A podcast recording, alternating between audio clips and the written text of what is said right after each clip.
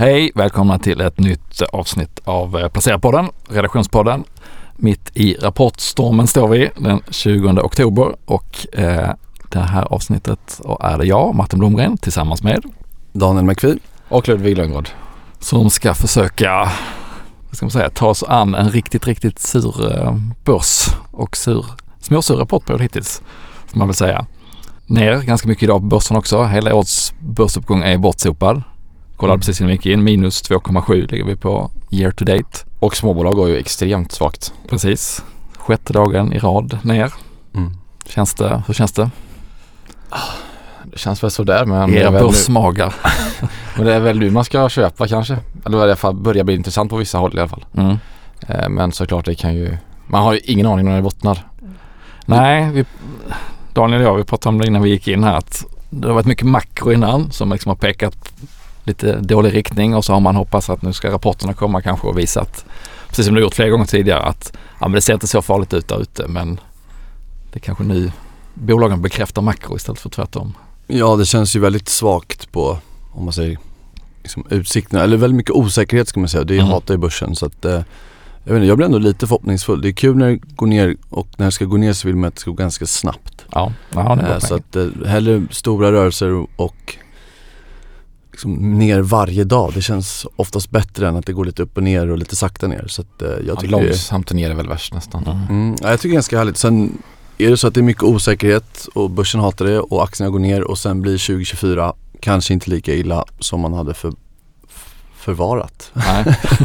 förvarnat, förväntat. För, förväntat. Ja.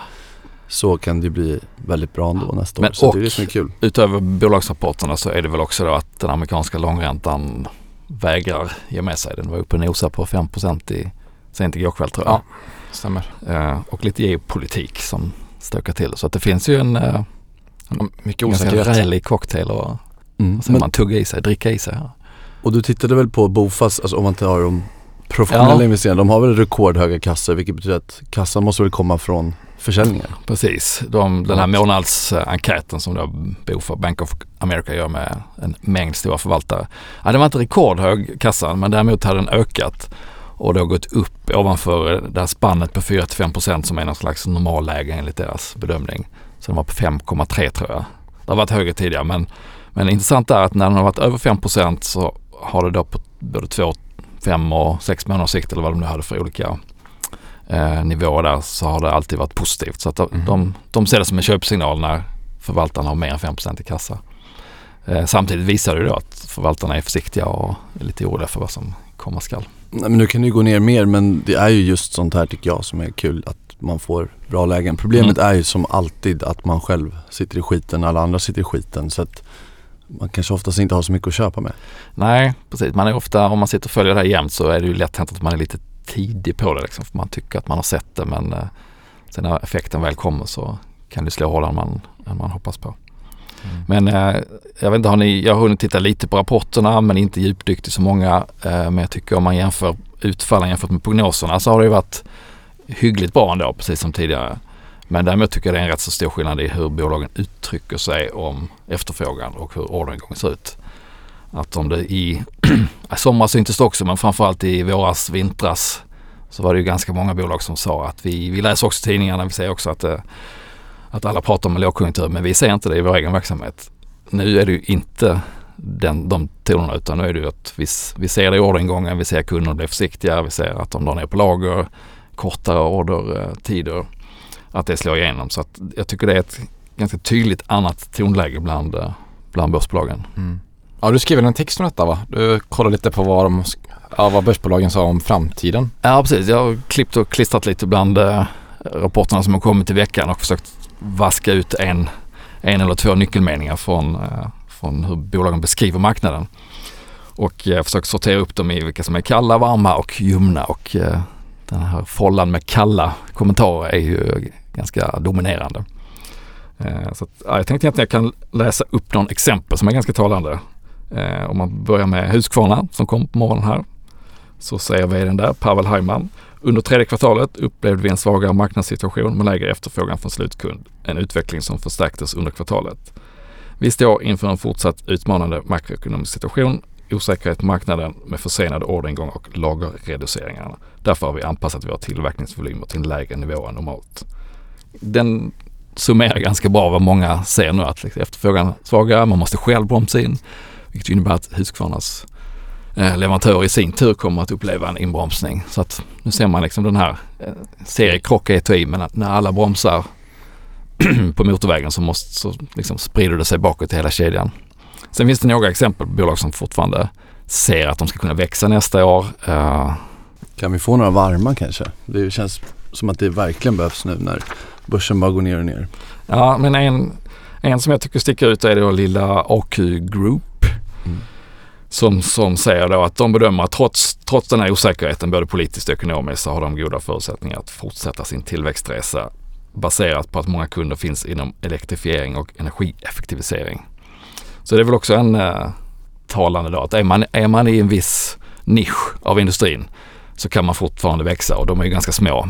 Men, men är man bredare, byggsektorn till exempel, jättemånga som nämner, konsument, så har man, kommer man ha det tuffare under ett, ett antal kvartal förmodligen. Men är det inte fortfarande så som vi har pratat om tidigare, men om man ju, man ser att det är svalare, men det är inte så att det är några enorma gapningar på varken vinst eller orderingång eller orderböcker Nej. som minskar dramatiskt. Det är inte att de här svenska bolagen, många som är exporterande, är faktiskt ganska numera breda både till kund och geografi. Eh, så att jag vet inte, ja, jag tycker aldrig det blir inte så dramatiskt om man jämför med, det vet ju du.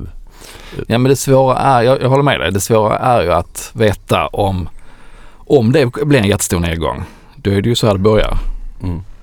Och blir det inte det så är det också så här det börjar. Så man vet ju inte förrän, det är lätt i efterhand att säga att det bara blir en mild nedgång men när det väl tippar över som det lite grann har gjort nu detta kvartalet och förra från att man inte ser det till att man faktiskt ser det. Då, då blir det den här osäkerheten. Är, är det början på något större eller är det den här liksom, låg, mjuka, milda lågkonjunkturen som, som alla ändå har, får man ändå säga, har väntat på i ett år ju. Alla tio bolagen år. har ju hunnit förbereda sig, tio år kanske, men, men alla har ju hunnit förbereda sig på något sätt så att det är ju inte en oväntad avmattning. Det är bara frågan hur, hur djup den blir. Och det vet ju ingen idag, vilket är det som är lite läskigt och mm. som väl spelar ut på börsen nu den här veckan. Exakt. Var det något mer intressant på den listan då? Något bolag som var lite en skräll typ? Ja men bland de som sticker ut positivt då Note, eh, kontraktstillverkare, också bra. Telia blev väl kanske den stora överraskningen det här kvartalet. Men det handlar mycket om att de har sparat kostnader och sådär. Inte så mycket att marknaden i sig är fantastisk. Eh, och annonsmarknaden som de har inne som ett tv-segment ganska dålig också. Ja, men det är väldigt många som pratar om det här med att, att kunderna justerar lager och att det är en liten normalisering av orderläggningen. Eh, jag vet att HMS till exempel pratar om det, du kollade på dem Daniel. Mm.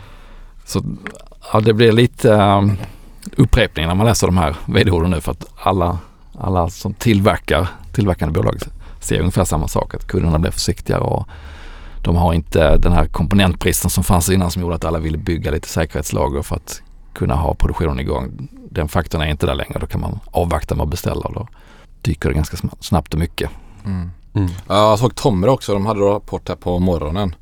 Och där, nu föll de liksom 15 procent idag. Ja. Eh, och det är ju framförallt svag marknad då inom här food-segmentet då. De har sorteringsmaskiner för livsmedel. Och sen har de cyberattack då. Men man ser att eh, konjunkturen börjar bita liksom ja. i vissa områden. Uh, men biter så, på börsen också speciellt ja, på de bolag exakt, som har haft lite exakt. hög värdering tidigare. Ja, de har ju haft sjukt hög värdering innan men nu börjar det ju bli mer normalt. Ja. Kan man säga. Men HMS Daniel, du vet att du dök lite djupare i den. Ja exakt, nej men det är precis det vi är inne på då att eh, orderingången går ner ganska mycket eh, jämfört med eh, Q3 förra året. Eh, så det var ner 27% faktiskt. 25% mm. ner organiskt. men vinsterna hålls uppe, vinsten växer 30% Eh, och ehm, var betydligt bättre än vad analytikerna väntat sig. Så att eh, det ser fortfarande starkt ut på, på den mm. sidan då. Eh, och, om vi kommer Fantastiska tillbaka, marginaler. Ja, väldigt bra marginaler. Jag tror det var 28 procent. Ja. Och då har de ju på ebit och då har de ju ändå ett, ett mål på 25 då som mm. de också har höjt här under hösten. Så att, ja, alltså till 25. Kvalitetsstämpel på det. Ja men verkligen det man då egentligen ser som vi var inne på tidigare, men orderboken som de har, det vill säga inte orderingången utan orderboken som de ska leverera på som ska generera intäkter framgent. där har de ju en orderbok fortfarande som är mycket större än vad den har varit i en Mm. normaliserad miljö. Så att orderboken ligger strax över en miljard kronor och den ska normaliseras runt 600 miljoner. Och det i sig behöver ju inte, som vi pratade om innan också, det behöver ju i sig inte vara ett problem. Men det som blir utmaningen och som gör att kanske att börsen tycker att det är lite, lite mer risk, det är Mm. att visibiliteten minskar. Det vill säga Mm. att det är lite osäkert hur intäkterna kommer vara, eller vinsten, framåt. Eh, Så att bara det skulle kunna vara en anledning till att värdera ett bolag lägre. Det som har varit de här senaste åren är att för man har en stor orderbok att leverera på så är det ganska enkelt Mm. att se att det här kommer fortfarande vara bra kvartal framåt. Nu, även om det blir bra kvartal framåt så vet man inte det innan Nej. utan Nej. orderboken eh, minskar. De tyckte att de såg ett mönster här över sommaren att ehm, det blev lite försiktigare eh, och framförallt Europa, Asien, Kina har varit en besvikelse Mm. eh, jämfört med vad man har förväntat sig. Och USA pratar de om ligger lite längre fram på den här lagerkorrigeringskurvan. Så att de har kanske varit lite mer avvaktande tidigare på grund av lagerkorrigeringar men de tycker att de ligger något kvartal före i USA Mm. så att där skulle de eventuellt då kunna se en, en eh, växande orderingång ja, om några kvartal. Men, så det kan bli något lite ledande indikator att hålla koll på i, om det börjar vända upp där tidigare. ja men det tycker jag ändå. Och jag menar om man tittar på samma sak här, de har ju en bredd. Nu är Europa väldigt viktigt för HMS. De, det ska man säga, de jobbar med IoT, alltså Internet of Things Mm. inom eh, industrin. Så att de digita- digitaliserar industrin. Vilket är ju liksom en, verkligen en trend. Och, eh, det har, alltså, och tittar man på historiken hur de har utvecklat vinsten så har ju den varit fenomenal. Så det finns ju ingenting, inget problem i bolaget. Och man ska säga att de här väldigt gynnsamma åren med höga vinster och bra kassaflöden, vilket många av de här bolagen fått se, har gjort att de har minskat ner skulden. Mm. Så att deras räntebärande nettoskuld, det vill säga kassa minus räntebärande skulder, är nu noll. Det är gott i det här Det är läget. gott Mm. i det här läget. Dels så är det bra för vinsterna om man tänker att räntorna äter på vinsten, men också förvärvssidan. Om det nu blir riktigt surt så kanske de kan förvärva till bättre Mm. multiplar. Men brukar man ha mycket förvärv? De har gjort en del förvärv historiskt, absolut. Ganska mycket. Så att ehm, jag tror inte att det är omöjligt att man får se det även om man kanske gärna väntar ut lite till för att se vart Mm. efterfrågan går. Tittar man på aktien så är det ju återigen det här med bra bolag, höga multiplar. Handlas fortfarande på över 30, Mm. på, ja, runt 30 ska jag säga på årets vinstestimat. Men analytikerna i dagsläget förväntar sig en, en lägre vinst nästa år vilket gör att multipeln blir ännu högre på nästa års vinstförväntningar. Jag tycker inte det här är någonting man behöver stressa med att köpa så att jag är väl relativt neutral till aktien och jag tror att om man tänker att orderingången kanske, eller orderboken fortsätter minska, orderingången kanske börjar normaliseras så kommer det också säga någonting om vinsterna nästa år. Då. Så Mm. att vinska, minskar vinsten nästa år då kommer kanske börsen inte vilja betala de här multiplarna. Att, men det är en, också ett bolag med tanke på historiken kommer ju inte den här förmodligen då handlas till låga multiplar. Så det är ingenting man ska sitta och bara Vänta till P12 liksom. Nej det blir nog svårt. Nej. Men det är en bra poäng där, även, även om inte multipeln faller så är det ju tufft i sånt här läge att ska man säga, göra en bedömning att nu kommer resten av marknaden vilja betala en högre multipel. Det brukar man ju göra när, när man liksom har medvind i, man kanske slår förväntningarna att, det, att allting pekar lite bättre än man trodde innan. Om man är avvaktande som det är nu och ska se var landar den här nedgången. Det är ju sällan då som multiplarna stiger i ett bolag. Så att, eh, ja, neutral eller avvaktande där låter ju klokt. Ja och jag menar om man säger vinsterna som rapporteras det är ju historia, orderingången skvallrar om framtiden. Börsen är framåtblickande Mm. så att de här handlas ju en del på orderingången men man märker också att börsen blir väldigt ambivalent till ett sånt här bolag för att vinsterna blir väldigt bra men orderingången viker så att vi har sett jättestora slag. Senaste, innan den här rapporten så de tre senaste kvartalsrapporterna har aktien rört sig mer än 10% Mm. på rapportdagen. Det vill säga upp och ner. Jag tror de var 15% ner i Q2 och 10% upp i Q1. Så att det blir väldigt stora slag och det tycker jag man kan utnyttja. Tittar man nu på Q3 som kom då i onsdags så gick aktien ner, den var ner nästan 10% i inledningen av Mm. handlingen och sen så kommer in köpare. Så att jag menar det är svårt att titta liksom på ett, en enskild parameter där vart aktien är men det kan dyka upp ganska Mm. bra lägen för att det inte är jättemycket likviditet i de här aktierna. Så att, ehm, bara Äger inte Latour ganska mycket Jo, största ägare va? Latour och VD eh, Okej. har, är största ägare i bolaget så att eh, äga lätt för er som gillar det. Mm. Alltså det finns ju väldigt stora skillnader mellan HMS och Volvo men det är ganska mycket likhet också när Ja. jag lyssnar på det här. Är jättestark kassa. Alltså Volvo har ju en, en nettokassa på Ja. 65 miljarder var det nu i, i det här kvartalet. En bank. Det är en, precis, en bank och en fordonstillverkare i ett. Eh, och kommer ha ett jättebra kassaflödeskvartal, fjärde kvartalet. Så att de sitter ju på en enorm, de är ett positivt eh, räntenetto till skillnad mot många andra som har dragit på sig skuld. Men också orderingången ner där, den var ner 27 procent även Oj. hos Volvo.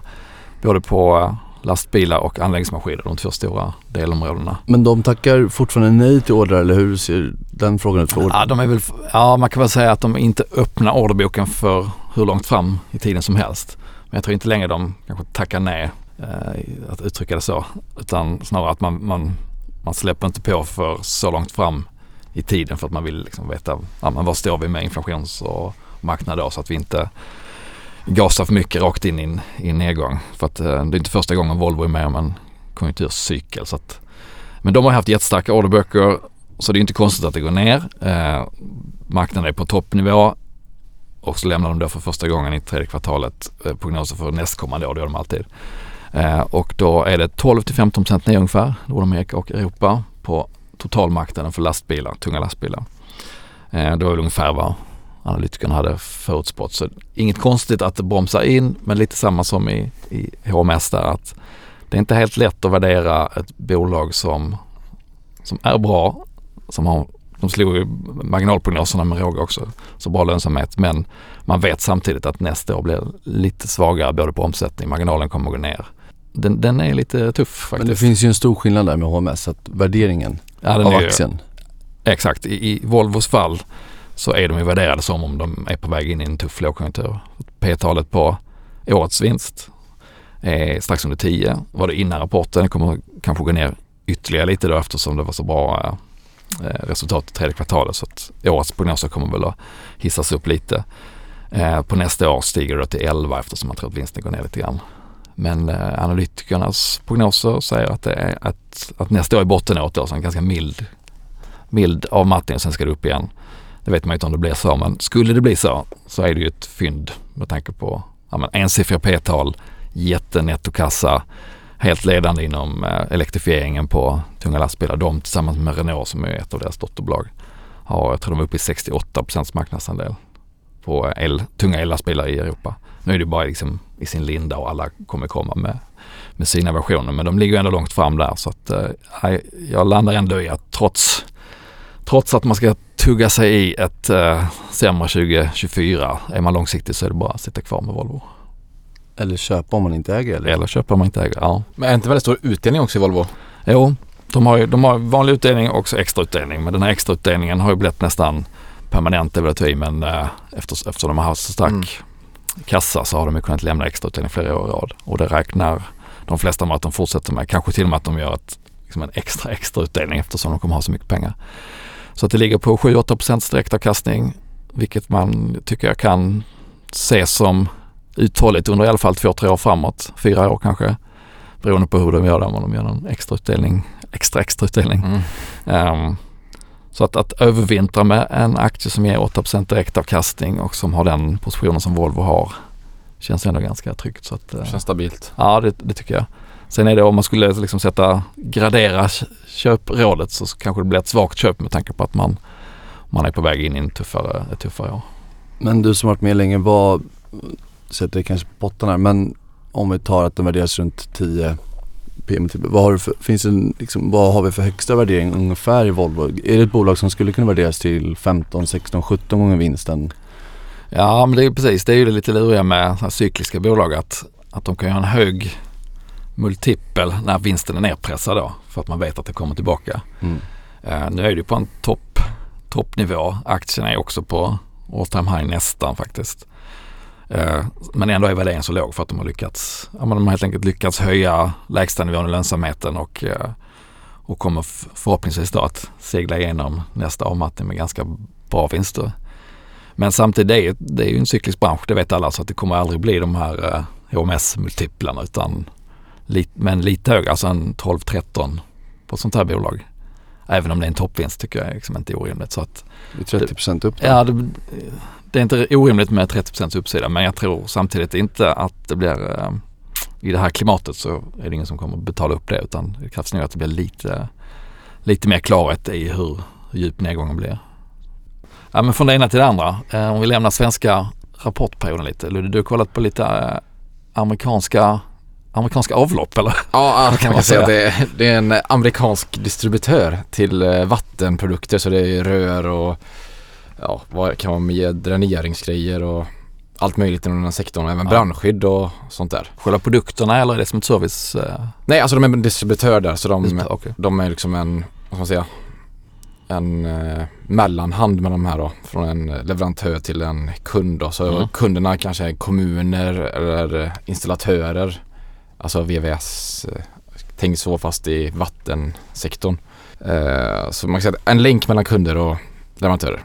Och vattensektorn i USA är ganska intressant för den är helt underinvesterad. Vi har eh, liksom eh, på 70-talet så var ja, vattensystemet i snitt 25 år gammalt. Idag är samma siffra på 45 år. Så man har inte investerat så mycket i det senaste. Eh, och nu kommer det komma en investeringsvåg här då i takt med det här renovation wave, alltså det som Joe Biden Mm. håller på med där nere i USA. Eh, vilket borde, gynna det här bolaget då. Vad heter bolaget? Jag tror inte vi Eh, Main det. and Core heter det. Main and Nej, Core. Core and Main. Core and säger Main. alltid fel där för det är Core and Main. det. Core and Main. En liten distributör och det är en peer till det här Ferguson. Jag vet inte om ni kommer ihåg att snacka om det. Det är en eh, liknande distributör fast de har lite mer mot eh, vad ska man säga, elektrifiering och sånt där. Mm, ett svagt minne. Värmepumpar och sånt där. En konkurrent till Watsco som jag också har snackat om. Och jag tycker det här bolaget är ganska intressant för värderingen är ganska låg. Och sen finns det viss stabilitet i affärsmodellen då för att när ett rör eller något sånt där går sönder så måste det åtgärdas direkt. Vilket skapar en viss stabilitet. Mm. Att det kommer aldrig gå till noll liksom. Och sen just det här då att snacka om att det kommer behövas ett jäkla behov med att eh, investera i den här sektorn då. Man känns som man är riktigt illa ute om man inte renoverar avloppet när det går sönder. Ja, då är det, då är det tajt. Ja, Då måste du flytta därifrån nästan. Mm. Man skaffar en sån här multoa istället. Ja, exakt. Ja, men och sen har du också det här att eh, mer naturkatastrofer, kom, vi behöver ju dränering och sånt där. Så det är ju ganska tråkig sektor att vara inom men eh, det är väl också det som är lite charmen Mm. med sådana här bolag att det lockas kanske inte så mycket konkurrens och Tråkigt är ofta bra på börsen ja, och värderingsmultiplarna går inte heller upp. Vi har liksom P15 nu då på innevarande och sen faller till P14 så det faller sakta sakta och målet är att växa 9% per år och så konsoliderar man sektorn för det är ganska fragmenterat i en sån här buy and build strategi. Så de kan liksom, det blir en slags, slags compounding effekt på det här bolaget eh, och än så länge är de ganska små. Så jag tror ändå att det kan vara intressant på lång sikt för ja, investerare som vill ha en slags exponering mot den här sektorn då. För 70% av produkterna kommer från vattensektorn. Då. Mm. Mm. Så jag sätter köp här och värderingen, eller och skuldsättningen är inte alltför hög, 1,5 gånger ebitda. Hur har aktien gått då nu senaste året? Eh, De noterades 2021 av ett Mm. PE-bolag eh, som satte dem på börsen. Eh, för skuldsättningen var för hög. Eh, och sen dess har den gått 40% i år är de väl upp ganska, ja, som börsen kanske. Mm. Ungefär. Ja, det låter defensivt och bra. Så ja, sen är väl det 50% också nybyggnation men det är ju, Ja. men jag tycker det är väldigt intressant ca- case och satte köp på aktien. Det känns ju också bra i det här klimatet att hitta aktier där vinsten faktiskt växer antar jag med tanke på att multiplarna går ner. Ja, exakt. Mm. Mm. För nästa år känns som ett år där Mm. vinsterna kanske inte ökar om man tittar på svenska börsen. Har du Ja, köpt, exakt. har du dem själv? Nej, jag har inte dem själv. nej. Men jag ska definitivt kolla på det. Om inte annat ska jag kolla på det Ferguson som jag satte köp för ett år sedan. Det är väldigt intressant också. Men eh, köp för långsiktigt summerat. Mm. Men eh, på tal om köp, har ni köpt, köpt något själva då eller ligger ni och gnider er i fosterställning nu när börsen går ner? Nej, jag njuter. Nej, men jag har köpt Njuter av att få stryk. Ja. Nej, jag såg ett Volati som vi för övrigt har på eh, månadens aktier. Kom ner ganska mycket idag igen och har gått inte alls bra den senaste perioden här nu, senaste veckan. Så jag har köpt lite mer där och jag snackade om Volati-caset för två poddar sedan ungefär tror jag. Så om man vill lyssna på det kan man ju gå Mm. tillbaka. Eh, så jag har köpt lite eh, mer aktier där. Inte några panikförsäljningar. Nej. De gör man inte själv. Det är banken som Margin calls. Ja, nej, inte Nej. än. Men det kanske kommer. Daniel? Eh, ja, ja, jag har ju köpt men det är för att ta en kort position. Jag fick lite Mm. blodad tand där på Mm. min BRF-kortning som än så länge har kommit i rätt riktning. Nu är jag ju rätt, jag tycker blankning är väldigt bra men eh, jag själv tycker inte man ska hålla på med det för det är alldeles för mycket risk. Men jag kan inte hålla med. Det är också, kan jag, för mig själv så är det ganska bra när börsen går ner och man har de här sura dagarna när man bara vill Mm. stänga ner allting så kan man känna att ja fast det finns ju någonting som säkert går bra där. Om man inte har jätteotur och att det man har blankat går upp och det man äger går ner vilket Sätt att balansera den mentala. Ja eller bara för, liksom släcka ljuset helt Mm. om det blir tvärtom då. men eh, nej men så att jag har gått, jag har i början av veckan gått kort Hemnet. Oh. Eh, så att, eh, och det är egentligen, eh, ja det är väl en av Sveriges bästa affärsmodeller tror jag och jag själv har använt produkten i år och insett att det känns som att de kan höja priserna absolut Mm. hur mycket som helst för att man snålar kanske inte innan man säljer en bostad. Men värderingen är väldigt hög och de har haft ett stort återköpsprogram som nu snart förhoppningsvis är slut och det känns som att Det är triggern då liksom, att återköpsprogrammet är slut. Ja, Det är precis, hela om man bostadsmarknaden ska krascha. i själva aktien Mm. Eh, så kan ju det, jag tror inte att bostadsmarknaden kraschar, inte, den kommer ner kanske men kraschar Mm. tror jag inte. Och det är fortfarande så att även om den går ner så om ett utbud, om det kommer fler annonser så tjänar de ju fortfarande pengar. Mm. Och just det här, jag tycker det är läskigt att de kan höja priserna egentligen hur mycket som helst känns det som. Men eh, ja, det är egentligen bara helt och hållet ett värderingscase och eh, att ja, jag tror den handlas på P72 på Det är R12. styvt får man säga. Ja, och då var det ganska, vinsten var ner tror jag, om det var några procent i alla fall i Q2. Ja. Så vi får se, det blir, de har rapport här 25. Så att eh, Just det. 25 Det blir smäller. dubbel lönedag för det kanske då. Ja, eller ingen lön alls. Eller ingen lön alls. Så kan det också bli ibland. Ja. Men eh, nej, så det har jag gjort. Men som sagt, det är ju väldigt hög risk och det är en liten position Ja. bara för att balansera ut. Martin då? Ja, Jag har gjort ett litet köp. Jag köpte de här danska bröderna A.O. Johansen. Mm. Lite småspararfavorit. Eh, efter deras vinstvarning. Mm. Jag, Jag hade dem ju innan du innan? Så det var ju kul. eh, nej men jag har inte, jag har inte björnkoll på dem men det är sådana här jag tänkt att jag ska sätta mig in i någon gång och skriva om kanske. Eh, det är väl lite som det här bolaget, amerikanska du pratar om. Ja, de är väl det lite påminner lite mycket, ja ganska mycket om det faktiskt. återförsäljare av VVS och Mm. elektronik och sådär och är ganska dominerande position i Danmark. Och dessutom familjeägt vilket man Ja, verkligen gillar. Nej, men det finns mycket bra där. De har väl som jag fattade det byggt ett eh, fantastiskt automatiserat lager så de har bättre kostnadsposition än konkurrenterna och skulle kunna dra ifrån i konkurrensen. Men de som många andra pratar om en sur byggmarknad som påverkar dem under något kvartal framåt. Vilket fick aktien att dyka 10-12 procent tror jag på Mm. rapporten. Eller på den här, om, på den här vinstvarningen. Eh, så då tänkte jag det kanske är en bra ingångsnivå så jag köpte lite grann där som lite läropost. Får vi se. Det brukar ju gå åt helvete när man gör affärer i Danmark så vi får väl se hur det blir. Och nu vet jag att man inte ska bry sig om valutor och nu känner jag mig som Per Ståhl här som kritiserar att ni köper så. Men danska kronan är väl helt brutal mot svenska kronan. Ja den följer väl antar euron ganska mycket så det blir Ja ja, exakt. det är Samma ju. Så att det är ja, precis. Det är inte, det är inget bett på, det är inget valutabett för min del utan Nej. mer att det är, komma in i ett väldigt bra bolag på en lite rimligare nivå av värdering Ja. och eh, sitta kvar med några år. Vad är det ungefär för värderingsmultiplar? Det- Är det också Det är låga? Typ. Det är inte så många analytiker som följer dem, det är ens en någon. Det jag har sett från de småbolagsförvaltare som pratar varmt om det, då är det väl en ja, P på 8-9 sådär kanske. Mm. Och så ska väl vinsten ner lite då eftersom de vinstvarnar. Men aktien gick ner också så att ja, det, det är lågt värderat och det kommer aldrig bli jättehögt värderat. De har ju, Danmark är ju bara så stort som det är. Mm. Så de kan ju inte bli som stora som Sverige helst. också. Ja, jag ser Ja. det att de är inne och nafsar här på De är faktiskt i avloppen. Borås, min hemstad. Ja, det är där, det, det är där man behöver Ja, byta där. avlopp. Du är ju, du är halvdansk så att, nästan, Precis. Eller något.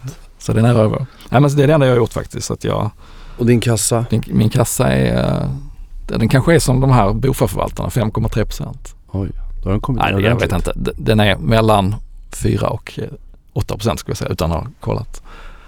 Och när tror du den blir noll?